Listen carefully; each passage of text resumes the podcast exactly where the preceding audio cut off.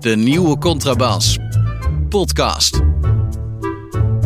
Over hedendaagse literatuur en de wereld daaromheen. Met Chrétien Breukers, een elitaire Limburger. En Hans van Willigenburg, zomaar een Zuid-Hollander. Hoogste tijd voor uh, uh, de 28e aflevering voor de nieuwe Contrabas podcast. We hebben werkelijk een astronomisch lijstje liggen Ja, van ik- onderwerpen waar we eh, hopelijk iets zinnigs over gaan zeggen. Ja. En ik kan alvast verklappen, Chrétien, of dat heb jij aan mij verklapt, dat jij al een klein beetje zenuwachtig bent voor het eh, eh, straks te volgen interview met Herman Brusselmans. Jazeker, ja, want oude helden interviewen, dat, dat is geen kleinigheid. Ja, ik had er de hele dag een beetje spanning van, moet ik zeggen. Ja, Oké, nou goed, we, we, gaan, we gaan zo met, eh, eh, ons met Herman in verbinding stellen. Eerst eh, gaan we praten over iets wat ik zelf heb aangedragen. Ik, heb, ik, ik neem, zeker sinds ik de nieuwe Contrabas podcast maak samen met jou, Kritje. ik wil niet zeggen dat ik de bijlage spel, maar ik, ik kijk er natuurlijk wel in. En ik zag afgelopen week, eh, weekend, zag ik een groot interview met Alfred Schaffer. Die gaat binnenkort de PC Hoofdprijs, eh, of die heeft hij dus al eh, gek- of de, de hij weet dat hij- weet, dit. hij weet dat hij hem gaat krijgen. En eh, er was een, volgens mij zelfs een verslaggever van de Volkskrant, die was helemaal naar Zuid-Afrika eh, in de vliegtuig gestapt. Eh, nou ja, daar kun je ook weer het zijde van denken in deze CO2-tijden. Maar goed, eh, die was helemaal op het vliegtuig gestapt om naar Alfred Schaffer eh, toe te gaan. Eh, ehm, en eh, vervolgens was er dus een groot portret, portretterend interview met Alfred Schaffer. En ik heb wel eens een proberen een gedicht van hem te lezen. Dat is, ik, zeg ik heel eerlijk, dat is me dan niet gelukt. Of het is me wel gelukt een aantal gedichten van hem te lezen. Eh, maar meer maar je vond er niet zoveel aan. Nee, nee, nee. Nee, maar wat mij dus opviel, omdat ik dacht van nou, misschien heb ik iets gemist. Eh, hij zal toch niet voor niks die prijs krijgen. Dus ik ging er eens goed voor zitten eh, bij dat artikel. Maar toen ging, bleek het vooral over zijn familie te gaan en over zijn leven. eh, terwijl ik dacht, ja, ik wil nou wel eens wat weten over het werk van Alfred Schaffer. En toen was de eerste zin die uit zijn werk werd geciteerd. Daar, en dat ik dacht echt van, hoe krijg je het uit je pen? Eh, de, de zin die uit het werk, eh, uit het complete oeuvre, wat dus eh, voor de PC Hoofdprijs niet alleen genomineerd is, maar ook gewonnen heeft. de eerste zin die in dat stuk uit zijn oeuvre wordt geciteerd, gaat als volgt. Het gapende gat van dit leven, dat ik met mijn eigen aanwezigheid onmogelijk kan vullen. Ja, prachtig. Ja, ja dat is inderdaad eh, wel een eh, gevoel dat ik met eh Schaffer deel. Dat heb ik ook wel eens. Dat het, dat het bestaan één groot gapend gat is. En dat ik En dat, dat je niet dat kan dan vullen. wil vullen. Maar dan zou ik het toch anders formuleren, inderdaad. Ja, maar kijk, we hebben het er al eerder over gehad, over Schaffer en de PC Hoofdprijs. Eh, ik heb dit interview heel erg gescand, want ik kreeg het op het laatst pas in het dagboek, dus ik kon het vandaag niet helemaal lezen. Maar wat, ik, wat me wel opvalt is dat, eh, wat ik al eerder zei, ook geloof ik, is het is een netwerkbekroning. hè Alfred is overal bij en eh recensent in De Groene, et cetera, et cetera. En eh, we hadden het, eh, eh, als je eh, ziet, hij is geloof ik eind 40 of midden 40. Hij is nog niet zo oud. 47 geloof Hij ik. is 47. Eh, de generatie eh eh K-Michel, Arjen Duinker, eh, Elma van Haren, die is, eh, daarvan heeft alleen Thomas Oosterhoff nog de PC-hoofdprijs gehad. Dus ik zou zeggen, eerst Arjen Duinker en Elma van Haren de PC-hoofdprijs. En als Alfred Schaffer nog een keer een goede bundel schrijft, dan mag hij over 20 jaar eh, nog een keer op voor de prijs. Maar ja, daar is het nu te laat voor, want Ja, wat- gekregen is gekregen. Dus, en die zin is, ja, het is een... Het is een ach ja, ik ken het gedicht niet wat erbij hoort, maar het is een verschrikkelijke zin inderdaad. Ja, als dat het is, dan... Ik ga het eh, nog één keer, eh, ga ik u daarop tracteren. Het gapende gat van dit leven dat ik met mijn eigen aanwezigheid onmogelijk kan vullen. Ja, als je, nou, ze- als je nou zegt van het gapende gat in mijzelf, dat ik met de wereld onmogelijk kan vullen, hè, de truc, draai het om, die ik wel vaker gebruikt heb, dan is het precies hetzelfde. Dus het is ook een holle zin. Dat is het ook nog eens een keer. Ja, en wat me eraan opviel, en dan gaan we door, is dat, dat eh, dus niet het werk, in zo'n portretterend interview wordt dus niet het werk voorgesteld, maar wordt Alfred Schaffer voorgesteld en zijn jeugd in Leidschendam en, en, en de Ja. relatie met zijn moeder. Dat ik denk, ja, iedereen heeft een moeder, iedereen heeft een geschiedenis, eh, iedereen, eh, eh, eh, gewoon de onwil Ja. om, om over literatuur te praten. En, Maar dat en- is met alleen- literaire interviews tegenwoordig sowieso heel erg. Hè? Ik heb eh, het idee dat de meeste literaire interviews zijn eh, human interest interviews. Ik heb zelfs Ja. ooit, ik had ooit een roman geschreven, Lot, en dat ging over een hoofdpersoon die 26 miljoen had gewonnen in de staatsloterij. En ik werd toen benaderd door het Volkskrant magazine, zoals dat toen nog heette. Misschien heet het nu nog zo, dat weet ik niet. of ik wilde een interview wilde doen over het feit dat ik die 26 miljoen gewonnen had. Maar die had ik niet gewonnen. Dat was een romanpersonage. En dat, ik was zo dom om dat toe te geven. Ik zei, nou, dat is maar verzonnen. Ja, toen hoefde het interview ook meteen niet meer. Dus uh, dat is zeg maar uh, wat, wat dat soort interviews wil zijn. Van als ik Oh, dus man, wat niet een alleen aan het boek erover geschreven had, maar ook die 26 miljoen gewonnen had, ja, dan, eh, dan, dan, was ik, was het dan had ik dus gewoon een interview gehad. Niet op basis van mijn boek, maar op het feit dat schrijver wint 26 miljoen. En hier is het natuurlijk, Alfred Schaffer heeft... Ja, maar dat was natuurlijk onmogelijk te, dat was onmogelijk te fingeren geweest natuurlijk. Ja, al zouden ze dat gecontroleerd. Ja, ik heb daar zoveel spijt van dat ik dat, dat, ik dat niet heb onthouden. Maar goed, maar dat is, een, eh, dat is mijn claim to net niet fame, zal ik maar zeggen. Goed. Die blijft staan. Ja, eh, dan gaan we door naar Herman Koch. Dat was natuurlijk niet te missen. Die heeft een, een, een, een, een nieuw Ja, zou het? uit. Ja, ja, ja. Was dat En een beroemde eh, man? zo? ook die werd eh, geportretterend geïnterviewd in, in, in het AD. En eh, als klap op de vuurpijl, want Herman Koch is natuurlijk, eh, dat is wel echt een hotshot. Eh, tenminste qua naamsbekendheid en qua verkoopcijfers. Dus die was niet alleen in het AD eh, te bewonderen, maar hij was daarna ook nog volgens mij bij Op 1. En eh, wat ik mooi vond aan Herman Koch is dat wat hij heel goed begrepen heeft. Volgens mij is dat als je in Nederland een succesauteur wil zijn, anno 2021, dan moet je, moet je niet, dan moet je echt elk ego moet je naast je neerleggen.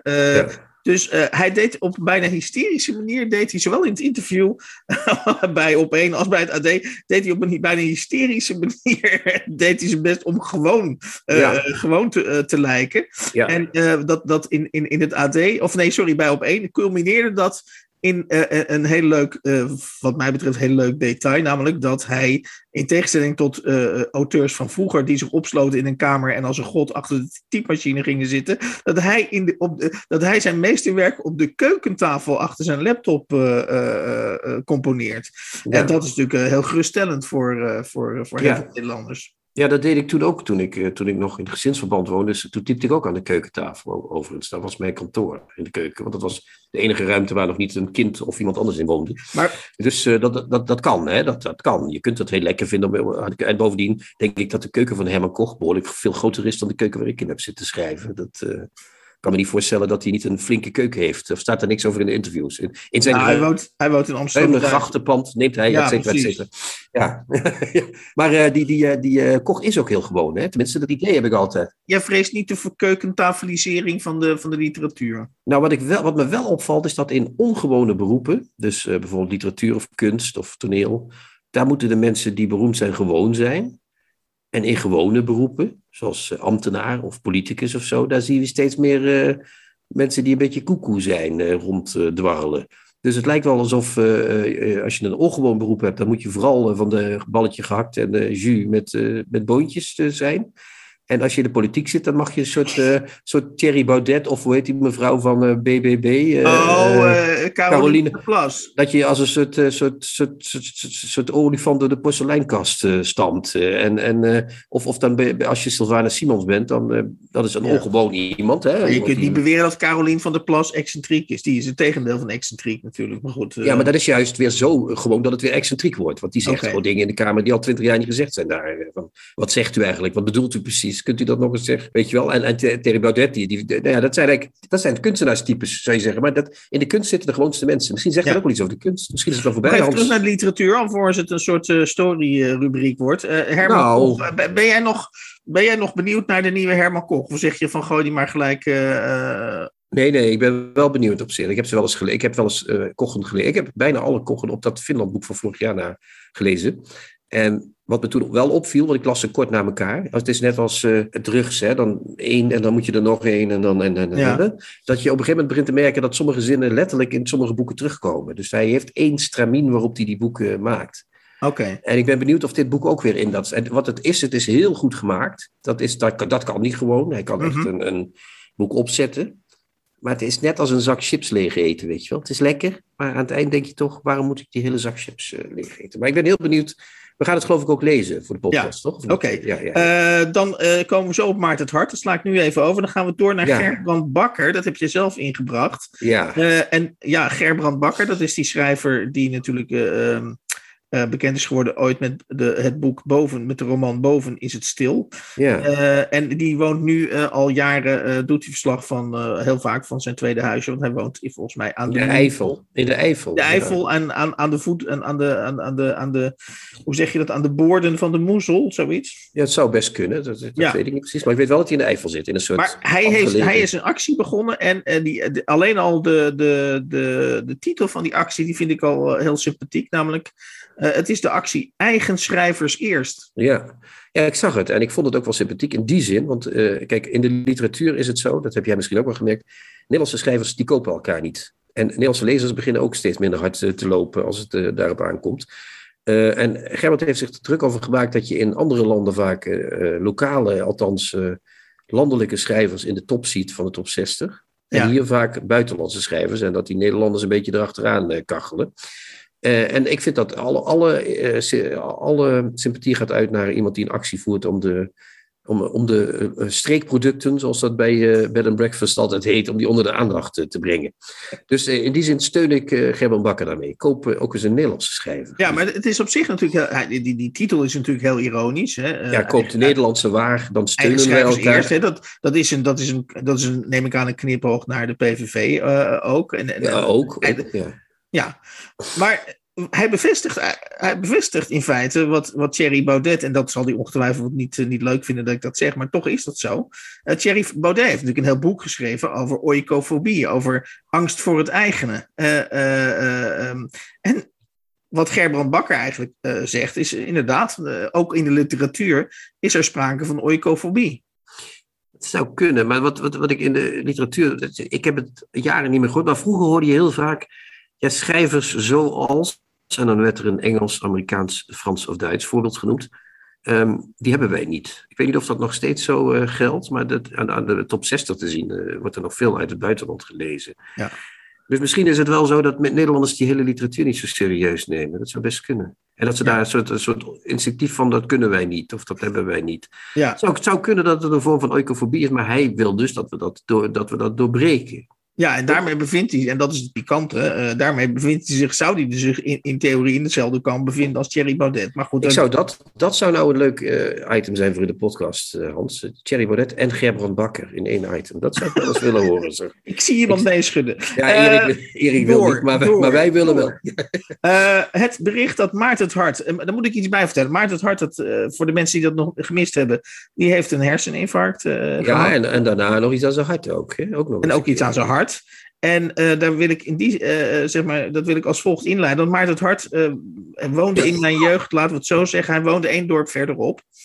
Dan ik zelf ben opgegroeid. En Maarten het Hart, die werd altijd fietsend gesignaleerd. En dan ging hij elke zaterdagochtend op een ongelooflijk vroeg tijdstip. Stond hij als eerste bij de marktkraam met allerlei boontjes, peentjes en allerlei dingen, andere dingen in te slaan. Mijn vader deed dan altijd weer verslag. Weet je wie, wie er nu weer bent tegengekomen op de markt? Maarten het Hart. Dus hij stond in ons gezin stond hij symbool voor een ultieme gezonde levensstijl. hij is nog nooit in een auto gesignaleerd, altijd fietsend, altijd met, met groenten en en fruit in de weer. Op een gegeven moment is hij ook beroemd geworden met zijn eigen moestuin. Dus ik had stil, stilletjes had ik het idee dat Maarten het Hart met gemak, echt met gemak, de 100 zou gaan aantikken. En nu, nu, nu dit. Ja, het is vreselijk. Ik zag het ook. Ik heb een dubbel interview gelezen met een, met een arts en hem in NRC. En uh, toen begon het hart zich over hetzelfde eigenlijk te plagen als wat jij nu, wat jij nu zegt. Namelijk, ja, ik leef zo gezond. Ik, hè. Hij heeft, altijd, hij heeft ook zelfs dieetboeken geschreven. Van alles mag ik snoepen, mits ik er goed van kan poepen. Dus dat was een van zijn rijmpjes. Uh, dus hij, had, hij, hij, stelde hoge prijs op zijn stofwisseling en op gezonde dingen eten. Of sterker nog, hij eet ook vieze dingen als hij honger heeft. Om te voorkomen dat hij er veel van eet. Kijk, dat is nog eens... hij hangt dus tegen de anorexia aan, zou je kunnen zeggen. Mm -hmm. en, maar toen, dat, toen zei die arts... ja, jij zegt nu, ik ben 76 en zwaar ziek. Maar, uh, zei die arts, het had ook kunnen zijn als je ongezond geleefd had, was je op je 56ste al uh, eronder door uh, gegaan. Dus dat had okay. gekund. Dan hadden we Maarten het Hart nu ja. nooit meer, nu al 20 jaar niet meer Ja, maar ik moet toegeven dat ik mijn eigen levensverwachting na aanleiding van dit bericht wel, wel naar beneden bijgesteld. Ja, we zitten in de gevaarlijke leeftijd, Hans. Het kan elke week voorbij zijn. Ja. Even afkloppen. Ja. Maarten, sterkte. Uh, ja, want we willen je graag Want wij willen Maarten, eh, precies, we zijn groot fan van de podcast. Ja, maar ik wil zeggen, is groot fan van Maarten het Hart. ja. Absoluut. Uh, eigen, eigen volk eerst, eigen, sorry, eigen schrijvers eerst, inderdaad. Dan heb, heb jij Philip Roth, Roth, sorry, Philip Roth, heb, heb jij nog ingebracht. ik zou zeggen, hup, hup, hup. Waarom moest Philip Roth ook nog even mee? Nou ja, omdat er in de krant stond, het was blijkbaar nieuws, in de NRC stond dat uh, uh, Roth zich schuldig had gemaakt aan Roth. Roth ja, ik, ik, ben altijd gewend aan Jozef Roth, maar dat is Roth dus. Die had zich uh, schuldig gemaakt aan uh, schaamteloze pogingen om prijzen te winnen en de juiste critici te leren kennen, et cetera, et cetera. En toen ik dat las, dacht ik, ah, is dit nou nieuws? Want ik ken wel meer schrijvers die dat doen. Ik zal geen namen noemen, want het is lelijk om Jan van Mersbergen te noemen, bijvoorbeeld. of Erik Linder. Uh, dus dat zijn mensen die precies hetzelfde doen, alleen zijn die niet wereldberoemd geworden later. Dus die hebben, uh, uh, maar de, de methode is niet nieuw. Dus ik, ik vond dit een heel hypocriet bericht ook. Ik denk, ja, een schrijver die aan zelfpromotie doet. Nou, dat is echt, uh, jongen, jongen, dat is niet. Ja, maar viel het niet samen dus, met een nieuwe biografie waarop dat... Ja, maar dat, ja, dat is dus een, een, een, een, een trucje om die biografie aan te zwengelen. Maar wat, wat, wat, wat, wat, welke schrijvers... Nou, er zijn, laat ik zeggen, er zijn heel veel schrijvers die het niet doen. Maar laten we zeggen, er zijn ook heel veel schrijvers die het wel doen. Dus wat is het? Het is geen nieuws. Het is een literair nieuws van niks. Het is een, een soort uh, dat is net zoals ze zeggen, de, uh, Sinterklaas in een witte baard. Oké, maar als we het dan toch man en paard noemen. Uh, wij doen niet aan netwerk, hè? wij doen aan anti-netwerk. Nou ja, ik weet het niet. Ik, ben niet, ik heb geen contacten met de meeste critici. Ik had de vorige keer, overigens, dat maak ik een klein bruggetje even, als dat mag. Heb ik Joep van Ruiten tegen de vleug ingestreken. Die, uh, die, dat is de criticus van het Dagblad van het Noorden. Een van onze, een van onze uh, trouwe luisteraars. Ja, en die had een. ik heb dus gezegd dat er bij het Dagblad van het Noorden, nadat Joost Omo op televisie was, een paar mensen uit de CAO-sluimer wakker werden. En dat bleek toevallig helaas ook een van die mensen bleek Joep te zijn. Dus die schreef ons een boze mail en ook een berichtje daarin, bo, bo, boos berichtje op zijn weblog. Woest en ledig, prachtig weblog overigens dat wij niet zo moesten zeuren. En uh, daar had hij wel een beetje gelijk in. Ik had ook niet helemaal niet door dat ik uh, Joep van Ruiten tegen de vleugel instreek. Want dat vind ik nou net een aardig iemand. Het ging volgens mij niet over de CAO-regeling, maar over het feit dat Joost Omen uh, al, een, al een heel lang aan de weg timmert en dit slechts. Uh, in, in, in, in, de, dat soort dingen, maar goed. Ja, ik denk toch dat dat erachter zat. Dat hij daar eventjes van dacht, ja, wat zullen we nou krijgen? Maar anyway, wat ik wil zeggen, ja. ik, ik ben nu aan het slijmen met een recensent, in wezen. Uh, en dat is uh, iets wat schrijvers soms wel doen. Ik bedoel, uh, maak, als er dan toch nieuws moet zijn over schrijvers, maak dan echt nieuws, zou ik zeggen. En tot slot, ook geheel op jouw verantwoording, heb jij binnengebracht Ellen Dekwits en de Joepie, de ja. grote drie. Ja, de grote drie. Hè. De, de podcast is weer begonnen. Hoe heet die podcast, Hans? Help me even. Oh, de, Boeken FM. Boeken FM is weer begonnen en dan ging ze over de oh, Joepie, de poepie, over de grote, de, de grote drie. Wat betekenen die nog, lieve mensen? Bla, bla, bla, bla, bla, bla, bla. Nu iedere week een uur. Dus uh, ze, ook die worden wakker uit hun uh, sluimer. Hè. Vroeger was het twee keer per jaar of zo, en nu is het elke week. Uh, en ik zag Ellen Dekwits ook nog langskomen als genomineerde voor een nieuwe prijs. De Johnny 2021, een prijs genoemd naar Johnny van Doorn. Volgens mij was dat ooit al een prijs die opnieuw is ingesteld. En daarin is ook weer genomineerd. En het is allemaal heel vrolijk en heel geweldig. En alles is lief en uh, fantastisch. En ik word er echt helemaal niet goed van, van al dat... Uh... Onderaan de streep is er dus nog weer een... een, een we hadden nog niet genoeg literaire prijzen. Er weer een prijs. Weer eentje ja. bijgekomen. En het mooiste daarvan is ook nog, dat behalve dat we elke week naar die podcast moeten luisteren nu, een oeuvreprijs voor de podiumpoëzie. Daarvoor zijn Ellen Dekwis, Rodaan Algalidi en Babs Gons genomineerd. Als Babs Gons dus niet in de jury zit, wordt ze genomineerd. Uh, en dan staat er de prijs bestaat uit een geldprijs van 10.000 euro, waarvan 2.000 door de winnaar wordt besteed aan een opkomend talent naar keuze. Dus dat is een prijs, als een, zoals een raket. Hè? Eerst schiet je de prijs af. En dan komt er nog een klein raketje van af. en daar zit nog een prijs in. En dat is dan de, de, de, de, de tweetrapsprijs van Johnny, zou ik zeggen. Hè? Maar dus dat, ik, net krijg Johnny... hele vreemde beelden bij. Dat als, als, je dat, als je die prijs wint, dan krijg je dus een geldbedrag. En dan krijg je apart 2000 euro. En daar mag nee, je dan... van die 10.000 moet je de 2000 voor... Zo staat het er volgens ja. mij. Dat betekent dus je denkt dat je 10.000 euro krijgt. Daar begint het al mee. Hoe zou dat eruit kunnen zien? 2000 euro stoppen in een nieuw, in een nieuw talent. Ja, dan heb je dus iemand in, in je omgeving die je een talent vindt, blijkbaar. En dan zeg je, ik ga, jij krijgt van mij 2000 euro. Hier, alsjeblieft. En dan met het idee dat diegene daar dan betere poëzie door gaat schrijven. Ja, ja, ja, of, of het idee dat hij daar een bundel mee kan uitgeven. Of, of, dat, of dat hij daar zijn uh, cocaïneverslaving mee kan. Uh, ik weet het niet, Hans. Ik weet het niet. Ik ben voor alle prijzen, maar ik snap het gewoon niet. Het is niet te snappen. Tips van de week. Boeken, artikelen of pamfletten die boven het maaiveld uitsteken. Vandaag uh, is uh, Chrétien volledig in charge of uh, de rubriek tips. Maar dat betekent dat hij exclusief namens zichzelf boeken binnenbrengt. En het eerste boek is, ja, vertel zo maar. Ja, het eerste boek, Hans, althans. Het, ik ga met jou naar Trebeek. Wat is Trebeek, weet je dat? Trebeek zal wel iets Limburgs zijn iets Limburgs. Het is een plaats in Limburg, Hans. Ja. In, in het uh, zuiden van Limburg. Ik zat goed, ik zat warm. In de oostelijke mijnstreek. En daar zijn op een dag ergens in de jaren 50 drie zusjes geboren. En die heten Tony. Nee, ja, die, nee, nee, die heten Marianne, Betty en Tony. Ja. Marianne, Betty en Tony. Zegt dat al wat? Komt, wordt het al warm? En die meisjes die konden heel goed zingen en gitaar spelen. Oh ja, en die hadden, ik, voel, en, ik die voel iets komen. Ik voel iets vloeien. Veldpaus heten ze met hun achternaam. Uh, maar die vader van hun die ging heel vroeg dood. En toen trouwde de moeder met uh, meneer Kowalczyk, uh, meneer de Smit uit Polen. Een oude mijnwerker, hè, we zijn in Limburg. Ten slotte in de jaren 50, een koempel. Trebeek is in de oostelijke mijnstreek. En die meisjes die gingen spelen in een groepje dat heette de Beat Girls from the Netherlands of zoiets. En uh, dat bandje veranderde later nog van naam. Ja, ik begin. Dus, zijn we er al? Zijn we er al of niet? Ik zie opeens een gaatje tussen twee tanden, zie ik opeens. Ja, precies. Dat is Tony Willet, die jij hier noemt. Die heette Nee Veldhuis, maar die is getrouwd met meneer Willet. En die vormde inderdaad uh, begin jaren zeventig de band Pussycat. Daar wil ik heen. Want over Pussycat, Hans, hè, een band die in uh, in Engelstalige landen voor wat uh, opgefronste wenkbrauwen zorgde door die naam. Aha. Want dat was uh, ook toen al de benaming voor een ander ding dan gewoon klein katje, wat zij bedoelde. Is een boek geschreven door Lou Willet. Dat is de oude man van uh, Tony. Dus van de spleet tussen de tanden, zoals wij die vroeger zo oneerbiedig noemden. Ehm, in samenwerking met de journalist Harm-Peter Smilde. Die heeft het hele bestaan van ja, Pussycat ik, in een boek vervat. Maar je had het vorige keer had je het over een ondergrens die, die we moesten bewaken bij de, bij de nieuwe Contrabas podcast. En yeah. nu kom je zelf met Pussycat aan. En dan denk ik, is, is, zijn we hier niet gelijk al, al mijlenver onder die ondergrens nu aan het, aan het vroeten? Ja, ik heb dat deze week inderdaad ook overdacht. Maar ik dacht, als we dan toch een ondergrens stellen, dan uh, doen we het maar op een weermoedige manier. Want uh, Pussycat vertegenwoordigt voor mij toch Ondanks het feit dat ik uh, weet dat dit. Uh, kijk, het boek wat geschreven is, daar hebben we het zo meteen nog over. Is grappig, maar geen literair meesterwerk. Laten we het meteen maar hè, bekennen. Maar Pussycat vervult mij met een intense weemoed. Want Hans, zoals je weet, ben ik ook in Limburg geboren, iets hoger, in de buurt van Weert, het dorpje Leveroy. Ja. Daar, toen ik in 75 naar Mississippi luisterde, dat was de grote hit van Pussycat toen, toen, bleken er ineens drie Limburgse meisjes te zijn, wat ouder dan ik natuurlijk. Vrouwen, voor mij toen al bijna oude vrouwen, overigens.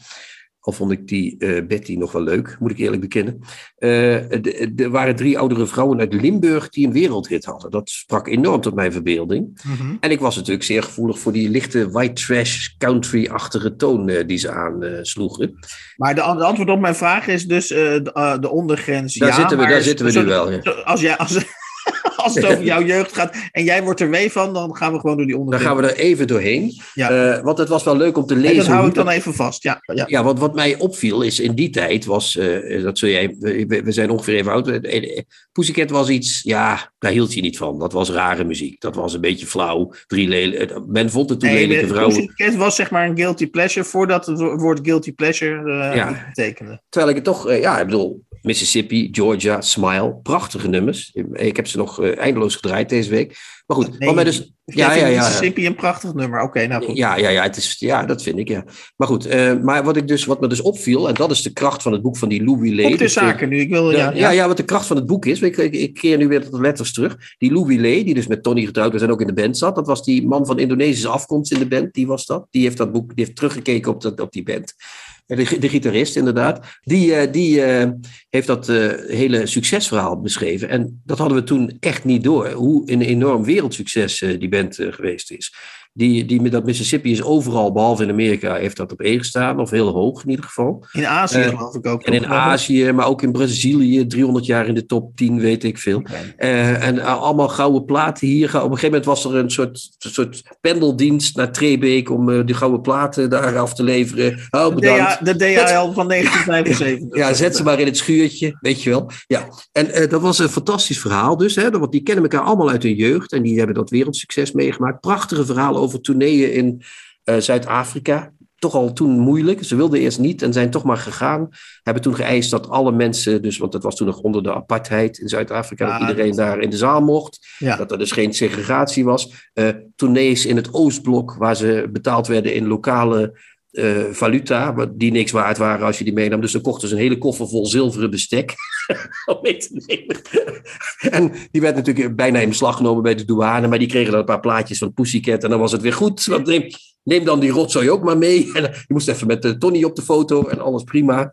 En, en dat waren dus gewoon, zeg maar, ja, de mijnwerkerskinderen die ineens ja. tot een soort wereldfaam werden. En, en hoe heeft Louis Willet, die heeft dat ja, dus Louis Willet is later... Die, en, ja, en die, die, heeft dat in een fascinerende stijl en met, met, met uh, brick-and-brack technieken. Ja, maar met, ja, het is wel een beetje brik-en-brak gegaan, moet ik eerlijk zeggen. Ja, dat, dat, dat, is, dat is een ding wat zeker is. Dus het is uh, niet echt een... een Uh, staan er ook wel plaatjes in het boek, Er staan heel veel plaatjes in het boek, top op en weet ik veel, allemaal buitenlandse dingen. Maar het, het, het mooie ervan is dus dat het een, toch een beetje een verloren hoekje is in de, in de popgeschiedenis. Hè? Het is altijd toch uh, Golden Earring. En... Ik ben streng als het om muziek gaat. Dit is een literaire podcast. Mag, mag even over muziek gaan, maar niet te lang. Oké, okay, maar het is, het, het, wat mij dus opviel is dat het verhaal, uh, hoewel uh, inderdaad literair gezien niet veel voorstel, toch met, met, met schwung verteld is. Mhm. Mm. En, en dat het zo'n dingen waren dat ik dacht, ik wist niet dat het zo groot was. Dus het heeft mij toch iets geleerd. En wat ik ook heel mooi vind. de titel van het boek, dat heb je nog helemaal niet genoemd volgens mij. Pussy, dat is Pussycat de Mississippi stroomt in Limburg. En nou ja, dat is natuurlijk ook niet waar. Dus dat klopt ook wel helemaal niks niks van. niet lachen om die titel. Dat... Ja, ja, ik moet er wel om lachen. Maar het is wel dat ik denk, ja, als je dan toch een titel moet verzinnen, maak er dan wat leuks van.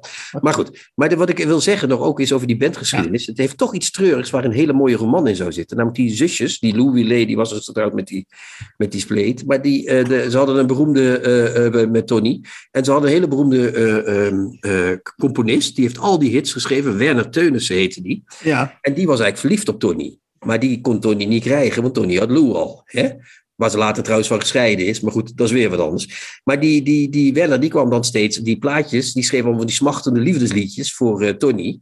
En dan zei die Lou, zegt dan ergens in dat boek van, nou dan ging je maar even in een andere kamer zitten. dus het is een enorm tragisch verhaal van, van liefde en verlangen. Hè? Van, van die Werner Teunissen, ja. die schreef het ene hitje naar het andere, omdat hij uh, die Tony zo leuk vond. En, en ondertussen ging Tony met Lou op tournee en die gingen de blitz steken daar. En die Werner zat daar maar te smachten in de oostelijke mijnstreek. Dus er zit een prachtige roman in het boek. En dat is waarom ik het uiteindelijk toch vond, toch wel net boven de ondergrens vond uitkomen.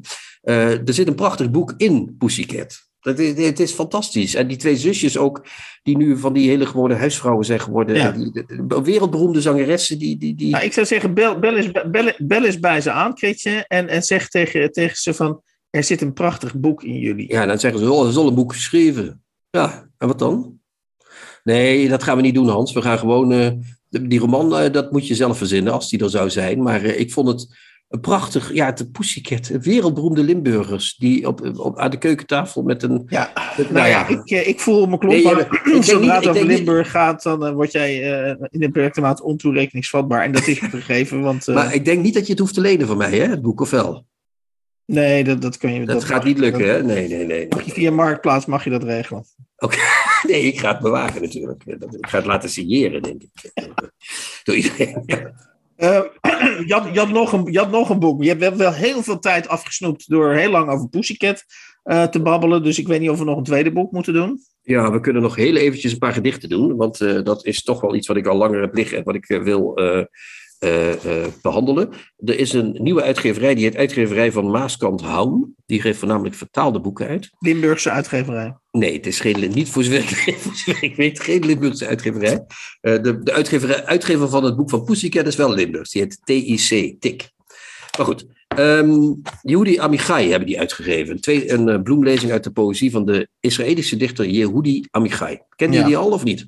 Ja, daar heb ik wel eens van gehoord. Volgens Ja. mij was hij ook regelmatig zat hij in de, in de Bij eh, Poetry, selectie van de, van de eh, Poetry International. Klopt, daar is hij heel vaak geweest. Dat is Ja. inderdaad. Hij- in de jaren tachtig Hij ergens. kent is- alle Rotterdamse hotels van binnen en van buiten. Maar zeggen. Ja, want als je daar zat, dan werd je in een hotel gezet. Hè? Dat klopt.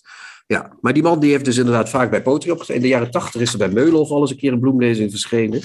En die was toen vertaald door onder andere Tamir Hertzberg. En deze man heeft nu ook weer ge- mede getekend voor eh, de vertaling van Gedichten deel 1, noemt eh, de uitgever het. Ehm, de poëzie van eh Yehudi Amichai, een in Duitsland overigens geboren Joodse man, die voor de oorlog om begrijpelijke redenen met zijn familie naar Israël is verhuisd. Eh, die poëzie is in Israël heel beroemd. het is een soort ja, nationale dichter, zou je kunnen zeggen. Hij is dood, maar goed, hij was een soort nationale dichter. Nog steeds Mhm. worden die gedichten veel gelezen en veel gewaardeerd. Het is van die eh, typische poëzie die, eh, net zoals van bijvoorbeeld Wisława Szymborska, van die, van die Palando-poëzie die, die je toch midden tussen je ogen treft, als je begrijpt Ja. wat ik bedoel. eh, van die, van die poëzie. Vrij laagdrempelig al met al. Het is raar. Het, lijkt, het is la- laagdrempelig, klopt. En het lijkt ook laagdrempelig. Maar als je het dan leest. En dan blijft het zo lang bij je hangen dat je er toch eh, langer nog over nadenkt. Geef mij, ik geef mij eh, eh, een, een gedicht Wil je een voorbeeld? Ja, oké. Ik wil wel nog één klein negatief dingetje zeggen voordat ik begin. Er staat een nawoord in van die Tamir Hersberg. En dat is zo onduidelijk dat ik na dat nawoord nog niet weet wie die dichter was. Dus ik zou bij deel 2. Zou ik wel fijn vinden als er een eh, mooi nawoord kwam. Maar goed, dat is dan voor de uitgever even een klein tip. Ehm, ik zal eens kijken of ik een Een mooie. bedrieglijk eenvoudig gedicht. Ja, precies. Ja, en wat- en wat- Amichai. Ja, ik mag er twee doen, hè? Denk ik. Ja, dat kan. Kan nog net, zie ik. Erik begint al te stralen dat ik twee gedichten ga voorlezen. Ehm, het eerste gedicht heet Jammer, we waren een mooie vinding. Ze hebben jouw dijen van mijn heupen geamputeerd. Voor mij zijn het altijd dokters. Allemaal. Ze hebben ons gedemonteerd van elkaar af. Voor mij zijn het ingenieurs. Jammer, we waren een mooie en liefhebbende vinding. Een vliegmachine gemaakt van een man en een vrouw met vleugels en alles erop. We kwamen heel even van de grond. We hebben heel even gevlogen. Ja, Doe je al fijn. wat, Hans, of niet? Eh, ja. ja ik, ik, dit vind ik mooi. Dit vind Ja. ik- En dan tot slot misschien. Je leest het ook mooi, voor- eh, je leest het ook mooi voor. want- Ja, dat, dat is, hij, hij roept ook op, dat is misschien de toon die hij aanslaat. Hij roept ook op tot mooi voorlezen. Of hoe moet je dat? Je hebt van die dichters, als je die probeert voor te lezen, dan breek je tong in zeven stukken. Ken je dat? Weet je wel? Ja, Dat dat- ja, dat- hoe moet ik dit nou toch voorlezen? Maar hij heeft een soort. Hij, ik begrijp ook wel dat hij heel populair is. Hij heeft een zo'n natuurlijke, kalme slag. Ja, ja. ja. ja. Dus nog Dat- één, nog, nog één. Ja, dat is, dat, is een liefdesgedicht. Hij heeft heel mooie liefdesgedichten geschreven, prachtig. Maar dit is een, ja, dit gedicht heet Ik ben harig geworden. Iets wat wij als echte boemersans inmiddels allebei wel kunnen navolgen. Hè? Eh, ik ben heel harig geworden, mijn hele lijf. Ik ben bang dat ze me gaan jagen voor mijn vacht. Mijn gestreepte pronkgewaad betekent geen liefde. Het is als de luchtfoto van een treinstation. S'nachts is mijn lijf open en wakker onder de deken als het oog in de barricade van de man onder vuur. Landlopend leef ik, smachtend naar dagen zal ik sterven. En ik wilde stil zijn als een berg van verwoeste steden en kalm als een volle begraafplaats. Nou, dat is ook weer zo'n gedicht. Je snapt het meteen en toch doet het. Ik, ik weet nog, nog steeds niet precies wat er staat. Dus eh, dat is wel mooi, vind ik. eh. Yehudi Amichai, gedichten deel 1. En ik hoop van harte dat deel 2 zal komen. Tommy. Chrétien reageert op de nieuwste schrijfsels van succesauteur Tommy Wieringa. Terug van weg geweest. eh, eh, de rubriek De Tommy. Eh, dat wil zeggen, Tommy, de hoofdpersoon Tommy Wieringa, die is met vakantie geweest. Ik mag van Chrétien niet zeggen op vakantie, ik moet Nee. zeggen met vakantie. En dat betekent dus dat wij noodgedwongen, of in dit geval Chrétien noodgedwongen, even moest stoppen met eh, de rubriek De Tommy. Hij heeft het een, eh, één of twee keer met, met andere cijfers. eh, volgens mij heeft hij één keer een Ilja erin nee, twee keer een Ilja, maar dat, dat, dat, dat, dat wilde niet op een of andere manier. Dat kwam niet tot de juiste chemie, helaas. Maar goed. Goed, dus, maar nu is er dus uh, in de NRC, want daar, uh, Tommy is, is vaste columnist bij de NRC, is er 28 augustus, als ik uh, Chrétien goed gevolgd heb, is er weer een, een nieuwe post-zomercolumn. En dan is het natuurlijk interessant te kijken hoe, hoe Tommy uit de startblokken schiet, als er überhaupt nog in zijn, in, in zijn geval ja, sprake is van startblokken. Ja. Want Herman Brusselmans, die we zo gaan spreken, die heeft over Tommy gezegd, hij heeft het schrijftalent van een gedoofde bolknak, volgens mij. Zei hij dat? Ja, dat is al heel weinig. Ja. Maar goed, ja. Um, ja, de, de, de column. Zaterdag uh, opende ik ochtends mijn NRC-app, want ik lees de NRC digitaal. En daar zag ik de belangrijkste voetnoot ooit, met daaronder het uh, beroemde portret van Tommy in zijn spijkerjassen Colbert. Uh, prachtig, prachtig, prachtig. Hij was weer terug. Um, Hans, ik zal je wat vertellen. Tommy is erachter dat dieren kunnen lijden. Dat is de portée van deze column. Uh, oh, dus hij heeft, hij heeft iets bijgeleerd. Uh, in hij, denk ik, uh, misschien heeft hij een levend beest gegeten. Die begon te schreeuwen, ik weet het niet. hij begint met een prachtige geleerde. Want Tommy is ook vaak heel geleerd, hè, zoals we al weten. Met een prachtige alia. De vraag is niet of dieren kunnen nadenken of praten, schrijft Jeremy Bentham in 1789. Maar of ze kunnen lijden. In het lijden ziet de Britse utilitarist de voornaamste voorwaarde om ook dierenrechten toe te kennen, die hen, en hij citeert nu, nu nog door tirannie onthouden worden. Hij schreef dit als voetnoot bij zijn hoofdwerk An Introduction to the Principles of Morals and Legislation. Het is misschien wel de belangrijkste voetnoot ooit. Nou, dan begint hij een heel verhaal over uh, dat een poster voor dierenrecht verboden is omdat de stichting niet aannemelijk had kunnen maken dat het vroegtijdig weghalen van kalveren bij de moeder ernstig dierenleed teweeg zou brengen. Dat is natuurlijk ook inderdaad onzinnig dat dat gebeurt. Ik bedoel, het feit dat die beesten steeds weg. kalveren moeten weggehaald worden bij koeien, hmm. want anders zou er geen melk zijn, Hans. Hè? Ja. Weet je of jij melk. Ik drink melk in de koffie, dus als ik, eh, ik doe mee aan het. Uh, ja, uh, aan het laten ontstaan van ja, ja. onuitsprekelijk dierenleed. Het is gewoon zo. Ja, ik weet dat zelf. Ik kom uit het platteland, van het platteland. Of hoe heet zoiets. En uh, ik heb ook uh, daar gezien als kalfjes bij de, bij de koe weg worden gehaald. Wat die koeien die schreeuwen dan echt. Dat is echt. Het is afschuwelijk, is het. Goed, maar, maar dus, dus er is een goede. Oh, er is, een, er is uh, gelijk Jeremy Bentham, gelijk uh, ja, groots, open, groots openen met een, met een grote denker uit het verleden. En dan, en dan terugzoomen naar het heden, waarin er dus onuitsprekelijk dierenleed is. Ja.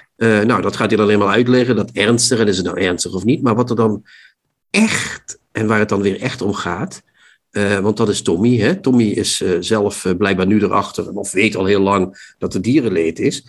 Maar wat het, de mooiste, dat de ene laatste alinea is dan weer. die moet ik even voorlezen, dan kan ik hem behandelen. Afgelopen voorjaar heb ik mijn echtgenoten verteld dat het klagelijk loeien dat we soms de hele nacht hoorden, niet tot het pittoreske geluidsprofiel van het landleven behoorde, maar dat we luisterden naar een gestrest moederdier, chockvol zwangerschapshormonen, dat daar jong riep wat in Wageningse rapportentaal in hoge mate vocaliseren wordt genoemd. Nu kan ze het nooit meer horen. Ik wilde dat je het niet verteld had, zei ze, omdat het wilskracht vermt om er geen ernstig lijden in te verstaan en oordoppen om de slaap te kunnen vatten. Nou wat ik daarmee bedoel, en wat ook weer zo typisch Destomisch is, is iedereen hè, dat ze geleerd doen, inzoomen op een kwestie waar, waar ieder weldenkend mens het al over eens is, namelijk dat dieren kunnen lijden. En dat we dus ook ons best moeten doen om dieren zo weinig mogelijk te laten lijden. Mhm. Weet hij weer om te bouwen tot een persoonlijke anekdote waarin hij als alwetende verteller, hè, uit, uh, niet uit het verleden. is alwetend, dat, dat weten we al lang. Ja, ja, tegen, ja, tegen zijn echtgenoten, je ziet het ook voor je, hè, het, echt, het echtpaar Wieringa zit, uh, Wieringa Samkalde zit voor, voor de deur in Weesp. Tommy steekt een pijpje op. Uh, ze nemen een glaasje uh, kruidenbitter of wat, drinken mensen in Weesp. Je weet het soms niet. En uh, daar zitten ze dan met hun puff, puff, puff tevreden. En dan zegt Tommy ineens van, weet je dat dat geluid wat wij s'avonds horen, s'nachts horen, dat, dat, dat, is niet, dat is niet mooi. Dat is geen koebeest. Nee, dat is een leidend koebeest. En die arme mevrouw Wieringa uh, Samkalde, die is vanaf dat moment helemaal van slag door Tommy. En dat is toch, ja, ik bedoel, het, het, feit dat hij dat ook zo vertelt, als het, het, is, het is allemaal van een diepe intense. Dus hij, ja, iets wat wij allemaal. Hoe eindigt het dan? Want dit was de voorlaatste alinea, maar nu, nu, ben, ik, nu ben ik natuurlijk zo, mee, zo, zo meegesleept door jou dat ik ook de slotalinea. Ja, want het eindigt er weer mee, want Tommy zal Tommy niet zijn als hij zichzelf niet op de schouders van reuzen zegt, zet. Over Jeremy Bentham tenslotte moet nog worden verteld dat hij de peetvader was van die andere grote vrijheidsdenker, John Stuart Mill, die weer de peetvader was van filosoof Bertrand Russell. De eerste werd geboren in 1748, de laatste stierf in 1970. Een ware dynastie van de geest. Bentham's lichaam werd na zijn dood opgezet en wordt nog altijd tentoongesteld door University College London. Bij bijzondere gelegenheden wordt hij uit zijn vitrine gehaald om de zitting bij te wonen. Moet er over iets worden gestemd, zo wil het verhaal, dan wordt zijn naam afgeroepen met de woorden present but not voting. En dat is mooi, dat is een prachtige anekdote. Maar wat Tommy hier weer bedoelt natuurlijk is, die, de volgende uh, grote geest in de dynastie van het denken is wel nog aanwezig en kan wel nog stemmen. Namelijk Tommy Wieringa. En nadat hij het leven van zijn vrouw heeft verpest, gaat hij nu ons leven verpesten. Totdat wij zeggen wat we al lang weten. En waarom we ook, althans ik, minder vlees eet of bijna geen vlees of zo weinig mogelijk vlees. En zo weinig mogelijk melk en kaas. Dat dieren kunnen lijden. Hij loopt op een manier, een prachtige manier achter de muziek aan. En doet net alsof hij uh, iets zegt waar we allemaal van achterover slaan. Het is, ja, hij is op vakantie geweest, maar het is met vakantie geweest, Hans. Ik zei op vakantie, ja, ja, ja, Hij is met vakantie geweest en uh, het heeft hem goed gedaan. Hij is weer helemaal vintage Tommy terug. Ik ben uh, blij dat hij er is en ik verheug me op de komende tijd. En ik verheug me op de roman die moet komen. De nieuwe Contrabas. Podcast. We leven in de gelukkige omstandigheid dat uh, Herman Brusselmans uh, bereid uh, is geweest om op te treden in de nieuwe Contrabas podcast. Welkom Herman. we hebben niet elke dag verbinding met Gent, maar vandaag wel. Ja. we gaan jou natuurlijk interviewen over dat enorm dikke boek wat je afgescheiden hebt. De geschiedenis van de moderne literatuur. Ja, um, geschiedenis, hè, Hans? Niet de. Ja, geschiedenis. Ja. Geschiedenis, ja. Ja, dat is toch een verschil. Ja. Um, in het boek meld je al dat je een van de meest geïnterviewde schrijvers van, van ons taalgebied bent. Dus dat maakt het voor ons extra uitdagend om, om te kijken of, of wij nog weer nieuwe invalshoeken en nieuwe vragen kunnen, kunnen stellen. Ja. De eerste vraag die ik heb is. Um, ik, ik heb onlangs begrepen uit een ander interview dat je ongeveer vijf boeken per week uh, leest. En als ja, ik... het hangt, er, hangt er vanaf hoe dik ze zijn natuurlijk. Hè? Ja. Ik heb net, ik heb net een, uh, een biografie van uh, Elvis gelezen. Van Goldman, een biografie uit 1982. En die is rond de 600 bladzijden, dus daar lees je er geen vijf van per week natuurlijk. Oké, dus je, je, stelt de verwachting ietsje bij. Uh... Ja, ja, ja, ja. Maar ik, ik, ik lees veel, ja. Ja, je leest heel veel.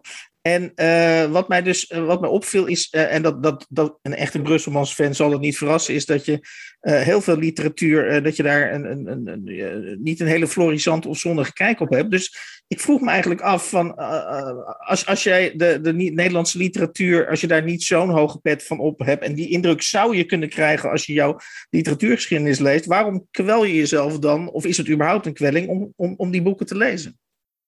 Nou, ik heb natuurlijk een aantal boeken gelezen uh, in, uh, in het kader van uh, die geschiedenis, hè, van de moderne literatuur. Maar op zich probeer ik wel boeken uit te zoeken die, die, die, die ik goed vind of die ik goed zou kunnen vinden.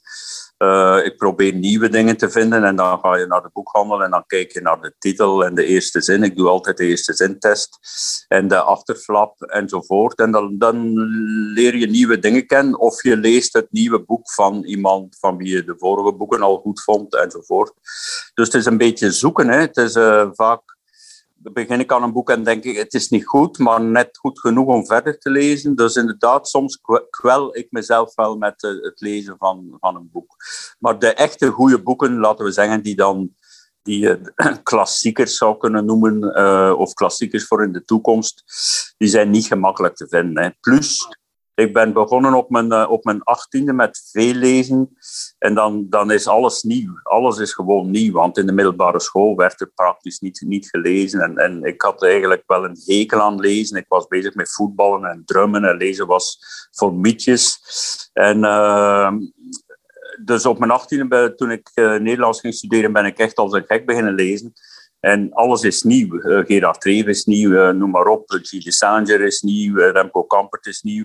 En dan ontdek je de dingen die je je hele leven meedraagt. Hè.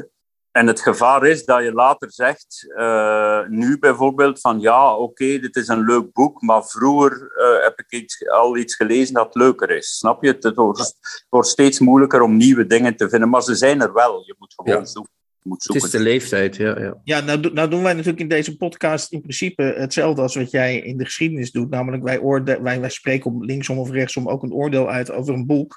En wij, komen er zelf, wij komen er zelf in deze podcast ook achter dat oordelen toch fijner is op een of andere manier als je een of makkelijker en, en, en langer beklijft als je een negatief oordeel velt dan een positief oordeel. En als ik naar de geschiedenis kijk, eh, is die, uh, is die wetmatigheid ook bij jou uh, van toepassing, ook op jou van toepassing. Ja, kijk, die, geschiedenis is natuurlijk in de eerste plaats een soort pastiche of een uh, satire op uh, de doorsnee geschiedenis van, uh, van de literatuur. Waarbij ik ook soms zeg van dat boek trekt op geen kloten, terwijl ik eigenlijk deep down inside wel vind dat het wel iets heeft, maar ik ik kan me in die geschiedenis niet permitteren om alles goed te vinden. Een geschiedenis waarin, waarin alles goed wordt bevonden, ja, dat, dat is niet leuk. De... Maar, het, zou wel, het zou wel een onthulling zijn als jij nu live bij ons gaat onthullen dat je over één boek misschien toch iets minder negatief denkt dan je in de geschiedenis hebt opgeschreven. Ja, dan moet ik eens nadenken, hè, Hans. Want uh, die geschiedenis is natuurlijk al een tijd geleden geschreven. En, en, en, en ik je heb ze al die negatieve oordelen beginnen aan elkaar te kleven. Dan weet je op een ja, ja, ja, ja, Laten we zeggen dat, dat, dat uh, uh, mijn lieve gunsteling van Lucas Reineveld, dat die in werkelijkheid wel iets beter vond of minder slecht dan, dan dat hij eruit komt in de geschiedenis. ja. ja. ja. Dat is, één, dat, is één, dat is het enige boek dat ik me kan herinneren. Oké, dat, is, dat is een goed teken alvast, toch? Of ja, niet? Uh, ja, ja, ja, dat is een goed Ja, dat is al beter dan niet herinneren. Maar uh, wat ik, wat ik, misschien mag ik er even op aansluiten, want je oordeelt over die boeken en je citeert er niet uit. Dat is, is dat een bewuste keuze? Want in de meeste geschiedenissen zul je toch wel eens af en toe citaat uit een boek ja, dat, dat, dat, dat, wordt mij ook kwalijk genomen. Dat is een van de dingen waardoor men zegt van dit is geen geschiedenis. Natuurlijk is het geen geschiedenis. Trouwens, als ik, het, eh, als, ik het, als ik echt boos word op een boek, dan, dan ga ik wel citeren hoor. Ik heb, uh, ja, maar niet veel, toch? Nee, nee, Niet veel, nee, nee, nee, niet veel. Het is trouwens ook niet nodig uh, voor, de, voor de lezer van mijn boek dat ik ga citeren, want de lezer van mijn boek die moet maar aannemen als ik het zeg, dat het slecht is, dat het zo is, weet je wel? Ja, nee, maar dat is, dat is goed. Citaat okay, zou ja. alleen maar, een citaat ja. alleen maar dub, dubbelop zijn. ja, maar ik stel wel vast dat je geëvolueerd bent. Want ik heb hier, uh, ik hou het even in beeld, de geschiedenis van de Vlaamse letterkunde. Dat heb ik ooit in de jaren tachtig aangeschaft. Maar misschien ja. uh, heb je wel zoiets van, ja, dat is dus, dat deed ik toen. Maar daarin uh, citeer je nog wel vrij uitgebreid. En daar staat ook, en dat vond ik heel jammer bij dit, uh, bij dit boek, maar misschien heb je daar wel een heel kloek antwoord op. Uh, hier staat ook een naamregister achterin. En ik, ik vond het uh, vreemd dat dat. want iedereen wil natuurlijk weten of die door Herman Brusselmans is opgenomen in deze geschiedenis. Nou wel, maar, maar ik heb het idee dat jij goed, zo goed nadenkt over je eigen boeken, dat jij dat bewust niet gedaan hebt. Ik heb het bewust niet gedaan. Waarom? Omdat als de, degenen die er allemaal in staan, en dat zijn er heel veel, als die zich, alleen zichzelf gaan opzoeken via dat register, dan hoeven ze het boek niet te lezen. Dan kunnen ze dat doen in de boekhandel. Even bladeren, bladeren wat staat er over mij. Nu weten ze we staan er, hoogstwaarschijnlijk staan we erin, want nou iedereen staat erin. Dus ik ga het boek lezen om mezelf te vinden, weet je wel? Dus jij organiseert een heel belcircuit van schrijvers. Sta je erin? Ja, ik heb je erin. Je staat op pagina 400, 450. Uh. Ja, uh, precies. En als alle schrijvers die erin staan het boek kopen, dan heb ik al een seller. Nog geen bestseller, maar toch ja. ja, het is in deze, deze tijden wel een goed, beter verdienmodel dan wachten tot er een verkoop uh, wordt gegenereerd. Um, je, je, je beroep je onder andere op uh, Brouwers, uh, als, als, als zijn een van je voorbeelden in de polemiek, zoals je het zelf noemt. Ja. Brouwers heeft eens een keer elf jaar geleden gezegd, die Brusselmans die polemiseert niet, die scheldt alleen maar. Ja, dat is waar. En als je, en als je dit boek leest, ja, sorry, sorry dat ik je onderbreek, maar uh, als je dit boek leest, denk je, ja, dat is waar, Brusselmans, die scheldt, want dat is wat je doet. Uh, ja, je maar dat is ook de bedoeling, dat is ook de bedoeling van uh, ja, oké, okay, maar... Polemiek, ja, wat is polemiek? Weet je wel, je schrijft... Brouwers die... zegt dat het dan op, op feiten schelden mag, maar je moet je wel in het werk van die persoon gefundeerd zijn. Ja, dan moet je inderdaad gaan citeren en moet je zeggen dat is een kromme zin en dat, uh, dat, uh, niet, on, on, dat de onderwerp is enkelvoud en de meervoud en de, de werkwoordsvorm is meervoud. Dus dat, ja, dat, of je kunt ook ethische oordelen vellen over boeken, ja, et cetera, et cetera. Ja. Maar ik, ik, daar komt bij, ik scheld en daar komt bij dat ik de schrijvers pak op een uiterlijk en dat ik zeg, die is lelijk, dus die kan geen goede boeken schrijven. Maar natuurlijk is dat de bedoeling als je dat schrijft. Je gaat, niet, je gaat dat niet doen om in een serieuze literatuurstudie. En ik vind het eigenlijk niet nodig uh, om te zeggen, jongens, dit is geen serieuze literatuurstudie. Lees gewoon de eerste pagina en je weet het al. Ja, ja ik, dat, dat is onmiskenbaar. Daar heb je groot gelijk in. Als je het leest, weet je dat het geen... En dat het, dat het, dat het grappig is, weet je ook vrij snel. Want je moet redelijk vaak lachen. Maar uh, uh, ja, nu we er toch zijn, dat zou ik later zeggen. Maar ik begin maar meteen. Uh, ik vind het wel een gemiste kans in die zin. Wat je doet is, uh, als je mooi scheldt, dat kun je heel goed. Hè, in boeken schelden, dat is echt een van jouw. hoe heet dat? Trademarks, een van jouw ja. unique selling points. Ik weet het niet, dat moet er ook een Nederlands woord voor zijn. een, van jouw, een, een, van je sterke, een van je sterke punten. Dankjewel, Herbert. Ja. ja, en dat is een van je sterke punten. En dat doe je hier soms ook heel grappig. En dan denk ik, ja, maar als je dat dan over 800 pagina's uitsmeert. En, 600. Uh, 600, 600 ja. dan het leken er wel 800. Maar ja. die, die, die, die, dan denk ik, wat is echt een gemiste kans. Want hier had je echt veel meer uit kunnen halen. Dat, je echt door, en wat dan? Wat dan? Nou, als, toen ik het las, dacht ik van, als jij, uh, want je hebt bijvoorbeeld in het begin uh, wissel je, je bent een drummer geweest, hè? of je bent een drummer, ja. sorry. Want dat, ja. dat, is net als pauze, dat blijf je natuurlijk. Uh, heb je steeds stukken en dat onderbreek je met. Uh, er komt een nieuw perscommuniqué van, van Dimitri Verhulst, die zegt daarin dit en dit en dit, of zijn paard is ziek, of weet ik veel wat. Of zijn hond ja, is dat zegt hij, ja.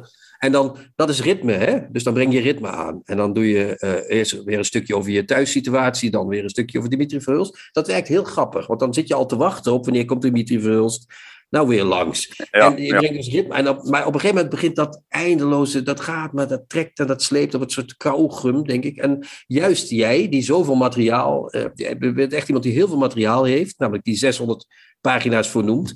Uh, als je er veel ritme en strakheid in zou aanbrengen op 400 bladzijden, dan zou het één grote, misschien wel te veel om te lachen moeten zijn geweest, maar dan zou het gewonnen hebben aan kracht. En dan zouden die scheldpartijen ook gewonnen hebben aan kracht. Dat, je ja, mij, dus ik leg het even uit, sorry. Ja je, je, moet rekenen van dat het boek eerst 1400 pagina's was. Dus uh, die 600 zijn al een inkorting. Dus, maar ja, je kan zeggen, je kan zeggen kijk, ik, ik zie je punt wel. En je kan zeggen, uh, je kan dat bijna bij, bij ieder, ieder boek van 600 of meer pagina's zeggen. En dat, dat denk ik ook soms. Van het dat nou, wel sommige wat boeken niet hoor. Er zijn ook boeken van 600 bladzijden die lees je en dan denk je, nou, dat, dat stond toch goed Ja, oké. Okay, ja. Maar kijk, als, als het bij jou nu werkt, uh, Chrétien, ja, dat, is, dat, dat kan. Dat Dat, kan, ja. Dat kan. En dan had je kunnen zeggen, je had er een paar eh, stukken van die, over Dimitri Verhulst kunnen uitlaten. Nee, die had je juist, dat is ritme. Ja, dat is juist heel goed. Dat is juist precies wat het sterk maakt. Eh, Ja, maar op een duur zeg je, gaat het, gaat het, Dan gaat het hele boek alle kanten op en dan schiet het alle kanten op. En dan denk ik, ja, is dat, dan lijkt het net alsof je je eigen materiaal niet meer bij de hand hebt. Ja, maar ik Of- heb geen materiaal. Ik heb geen materiaal. Ik, eh, anders had ik inderdaad eh, bijvoorbeeld een recensie kunnen geven van 20 romans en dat dan een geschiedenis. Ja. Want, want zulke geschiedenissen bestaan. We nemen de 10 eh, of de 20 meest opzienbarende boeken van, dit, van, van 2008 tot nu. We gaan die bespreken. We zoeken daar een lijn in. Is er, eh, is er een, een, een nieuwe stilistiek? Is er een nieuwe vorm? Is er een andere inhoud dan, dan, dan, dan 20 jaar geleden? Eh, is er een nieuwe generatie? Hm? Ja, En dan, dan zou je dat, dat, dat, dat zou je kunnen schrijven, maar dat heb ik niet gewild. Nee, maar dat had je, daardoor, als je dat er al inzet, en dan breng je ook alweer een soort ritme. Ja, goed, ik zit hier niet jouw boek te schrijven, dat is niet mijn taak natuurlijk. Maar nou ja, ik vind, ik vind het, is, het is een verkapt compliment. Maar je, zo vat je het natuurlijk niet op, want je denkt dat ik een enorme zeiker ben. Maar het Nee, is een, een absoluut verkapt niet. compliment. Nee, nee. Brusselmans kan echt ontzettend goed schrijven en die kan dat heel goed. En die gaat maar door en dat gaat maar door. En dat is maar alsof je denkt, nou ja, laat ik maar niks weggooien, want dan zou zonde zijn. Eh, Mag ik nog proberen hier wijze woorden aan toe te voegen? Sorry. Ja. Sorry. Maar, eh, Ja. Kijk, ik, ik, denk, ik denk dat ik 60 tot 70 procent van jouw boeken gelezen heb. En, eh, Chrétien zei net al, je bent, je bent een drummer. En elk boek eh, van jou ervaar ik eigenlijk als een soort drumsessie. Dus volgens mij maakt het, wat je net ook al zei, het materiaal maakt eigenlijk niet zoveel uit. Jij gaat er gewoon een, ritme van maken. eh, en, en dan krijg je dus eh, een soort. en jij maakt, al die schrijvers, die, die, die, die comprimeer je net zo lang tot ze in, jouw tot ze in jouw ritmi, ritmische proza passen. En in, in die zin is het inderdaad ook maar een heel, in heel beperkte zin een geschiedenis van de, van de moderne literatuur. Klopt dit een beetje? Ja, dit klopt. Dit, klopt. Eh, dit boek heeft inderdaad. eh, kijk, het zijn twee boeken eigenlijk. Hè. Je hebt eh, het gezeik over de, over de literatuur en je hebt het persoonlijke leven. Mijn vriendin en mijn hond, die, die telkens in slaap zijn gevallen op de bank, waar, waarmee ik uitdruk: dit is een nachtboek. Terwijl iedereen slaapt, zit ik aan dit boek te werken. Ik, ik refereer daar ook geregeld aan. Aan het boek zelf. Het is dus ook een, een vorm van metalliteratuur enzovoort. En dat alles, ja, dat alles is een potpourri waarbij sommige lezers misschien denken van ja, dit had eruit gekund of dit had niet gehoeven of waarom moet die vriendin daarin, waarom moet die hond daarin, waarom moet die motor nee, daarin. je mij niet zeggen hoor. Ik nee, nee, nee, dat, nee dat, zijn, dat zijn ook de echt... Ja, dat zijn echt de Brusselmans elementen natuurlijk. Hè. Die, die moeten er bijna in zitten in zo'n boek. Want anders dan, uh, ja. Ik probeer je nog wel tot een soort bekentenis uh, of een soort journalistieke onthulling uh, te krijgen. Want we moeten die podcast natuurlijk ook weer. wat vind je op dit moment, Herman, de, de meest overschatte schrijver in het levende schrijver in het Nederlandse taalgebied? Ilja Leonard Pfeiffer. Dat komt er vrij snel uit. Waarom? Ja, omdat, omdat ik, ik, ik, ik gebruik als, um, als, als een mijlpaal is Grand Hotel Europa. Hè? Ja. En dat, dat heeft wel wat. Uh, vooral die stukken over het massatoerisme enzovoort. Dat, dat, dat, is een thema dat me wel aanstaat en dat hij, dat hij niet slecht heeft uitgewerkt. Maar als je aan zo'n roman, die op zich niet slecht is, zo'n verschrikkelijk einde uh, breidt, maakt, dan denk ik van hier heb je gewoon een enorme flater begaan. Dat, dat neem, ons, neem, ons, neem ons even mee naar het einde van dat boek. Uh... Je hebt het gelezen? Ja ja, dat, dat schilderij dan gevonden wordt bij die oude dame, zo, weet je wel. Mm -hmm, dat schilderij van Caravaggio, dat is echt een ingreep van een zeer slechte soap. Of van een zeer slechte film. Dat is, dat is, dat is een, een, een, een, uh, een einde dat, dat, dat ik denk van shit, je helpt heel je boek naar de kloten. En, uh, en, en wat ik, kijk, waarom is hij daarom overschat. Hè? Het is een enorme bestseller, mensen genieten van dat boek. Ik heb er zelf ten dele ook van genoten. Maar uh, de, hele, de hele figuur uh, Pfeiffer wordt ongelooflijk ernstig genomen. Terwijl hij dat volgens mij niet verdient. Je moet, je moet die ook nu en dan, wat ik dan doe, je moet die ook zulke figuur nu en dan wel eens uitlachen. Ja. En dan kom, ik, dan kom ik bij dat uiterlijk, dat speelt ook een rol hoe die man zich kleedt en, en met die tien ringen aan zijn vingers, dat, dat drukt iets uit, weet je wel. En een kermisfiguur is het, hè? Ja. Je bent een clown, ja. Je, ja. je, bent, een, je bent een clown en dat, dat, uh, dat gedoe met het vertalen van die, van, die, van die gedichten uit de oudheid en zo, dat is dan weer om serieus te worden genomen. Dus als geheel figuur in de Nederlandse literatuur mag hij er absoluut zijn, want ten eerste, iedereen mag er zijn en hij heeft ook zijn verdiensten. La Superba bijvoorbeeld vind ik niet slecht. Maar dan heeft hij die brieven uit Genua. En dat, is zo, dat zit zo vol pretentie en zelfverheerlijking dat ik, dat ik dat boek bijna in stukken geknipt heb met een grote schaar. Van wie denk jij de fuck dat je wel bent? Ik weet niet of, je, of jullie die brieven gelezen hebben. Dat is, dat is verschrikkelijk. Hoe, brieven aan zichzelf. Brieven aan zichzelf schrijft hij dan. Ja, ja, ja. ja natuurlijk. Ja. En, en... Ik vind dat je voor de meest overschatte schrijver, dat je nog best wel in hele vriendelijke bewoordingen over, over Ilja Leonard Vijver uh, praat. Uh, uh... Ja, maar, maar je, moet, je moet niet als meest overschatte schrijver een of andere minkukel nemen. Je moet iemand nemen of iemand noemen die iets betekent in de literatuur. Die ten eerste een enorme seller is. Dus met andere woorden, heel veel mensen kennen hem. Als ik nu zeg, ja, Christophe van Gerwij is de meest overschatte figuur ter wereld. Ja, dat, dat, is, wel zo, dat is wel zo trouwens. Ja, bijvoorbeeld. Ja. Maar, maar eh, je moet, je moet... Kijk, ik vind, ik vind Lise Spit overschat. Ik vind Lucas Reineveld overschat. Ik vind, ik vind uh, Pfeiffer overschat. Ik vind uh, de, de la, het laatste boek van Jeroen Brouwers vind ik verschrikkelijk slecht. Ja, dat, was, dat ja, vind ik overschat. Daar wij ook niks van, hoor. Maar goed. Okay, ja. en, enzovoort. Dus je moet wel mensen noemen die, die een zeker renommee hebben en die, die toch wel ook wel goede dingen gedaan hebben. Net daarom zijn ze overschat, omdat die ja. goede dingen veel te maar, veel uit. Maar leg me, okay. dan to, leg me dan toch eens uit, als dat mag, ja. uh, waarom dat uiterlijk benoemen daarin zo'n belangrijke rol speelt. Maar dat is bij mijzelf ook. Je drukt iets uit met je uiterlijk. Ik zit nog altijd als, als bijna 64-jarige met dat belachelijke lange haar. Ja. En dan denk je, waarom, waarom gaat die man niet naar de kapper? Weet je wel? Omdat ik toch nog altijd in, een hardrocker in hart en nieren ben. Dat was ik op mijn zestiende en dat ben ik nog steeds. En dat wil ik ook uitdrukken. Je zegt zelf van, je bent een drummer, dus uh, er zit ook een zeker ritme in je proza. Ik heb altijd gezegd, in proza moet een backbeat zitten.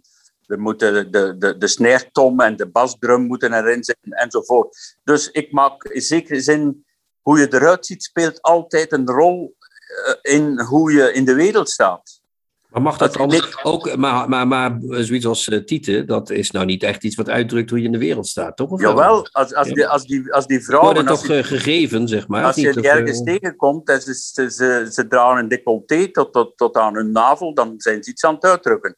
Dan zijn ze niet alleen schrijver, maar zijn ze ook een, een, een mens, een figuur, een persoon, een man of een vrouw die zich op een bepaalde manier uitdrukt. En die uitdrukking, die manier van uitdrukkingen, die gebruik ik in mijn appreciatie van een schrijver. Oké. En dat, en dat Maar, wordt waar- maar wel- waarom is de, de vraag is dus waarom? Omdat ze er iets, omdat dat iets zegt, maar wat? Nou, omdat ik sommige dingen die, die belangrijk zijn in het uiterlijk van iemand ongelooflijk belachelijk vind, omdat ik er wil mee lachen. Ik vind eh, iemand zoals niet alleen Ilja Pfeiffer, maar ook eh, Jeroen eh, Olieslagers, die dragen tien ringen. Ja. Aan iedere vinger een ring. Dat, ik vind dat belachelijk. Ik vind het haar van Lise Spit, die bijenkorf op haar hoofd, vind ik gewoon belachelijk. Dan denk ik van, ga naar de kapper. Zoals mensen tegen mij zeggen, je haar is belachelijk, ga naar de kapper. Maar ik druk ook iets uit met mijn haar. Die mensen, die Ilja Leonard met zijn, met zijn pakken en zijn Italiaans gesneden schoenen enzovoort, dat drukt iets uit. En wat dat dan is, dat kan mij in feite niet veel schelen, want dat komt eigenlijk ook niet echt tot uitdrukking in een proza. Maar ik neem, mezelf het, eh, ik neem mezelf het recht om daarmee te lachen of om te zeggen dat het belachelijk is. Je zet jezelf, en dat heb je ook al gemerkt misschien aan de recensies soms, dat, dat je jezelf dan in een positie zet dat het alleen nog over het uiterlijk gaat. En dat het, dat het Niet hele alleen, idee... alleen. Niet alleen, Niet alleen, want- nee? niet alleen. Er wordt, er, er wordt enorm veel bullshit verteld in dat boek, maar niet alleen over het uiterlijk. Hè. Het gaat ook Nee, nee, over... maar goed, dat, dat is wel wat er uitgepikt wordt natuurlijk. Hè. Daar, daar slaan mensen nogal op aan. Ja, Eh, maar dat is, kijk, kijk ja, en dat is een beetje mijn probleem. hè. De mensen pikken er iets uit. En dat, dat is zogezegd mijn handelsmerk geworden. Van, hij lacht met alles, hij, hij heeft het over borsten, hij heeft het over beffen. Maar ik vind, en daar heb ik nog in geen enkele recensie gelezen, hoewel er ook helemaal niet veel recensies verschenen zijn tot nu toe, en dat zal wel zo blijven. Niemand heeft het ook over de stukken die, die, die wel literair zijn, waar je wel, die je wel au serieus kunt nemen. Want het is een, een liefdesroman. Maar als je, die, als je daarover leest en je denkt, oh, daar is hij weer met zijn vriendinnetje van de, van de 35 jaar jonger, ja, oké, dat, dat, dan, dan, dan zeg ik van, oké, als je het zo leest en je ziet alleen maar, hij schrijft over die en die heeft dikke tieten en die, heeft die, die en die heeft tien ringen aan zijn vingers en meer is het niet, nou, dan, dan moet je mijn boeken niet lezen. Dan moet je Ja, dit boek ben- niet lezen en de vorige 500 ook niet. Nee, nee, maar dat is waar. De, de, de 500 inmiddels. Oh, het gaat sneller dan ik dacht. Maar die, die, eh, die, dat klopt. Maar ik ben een hele welwillende Brusselmans lezer.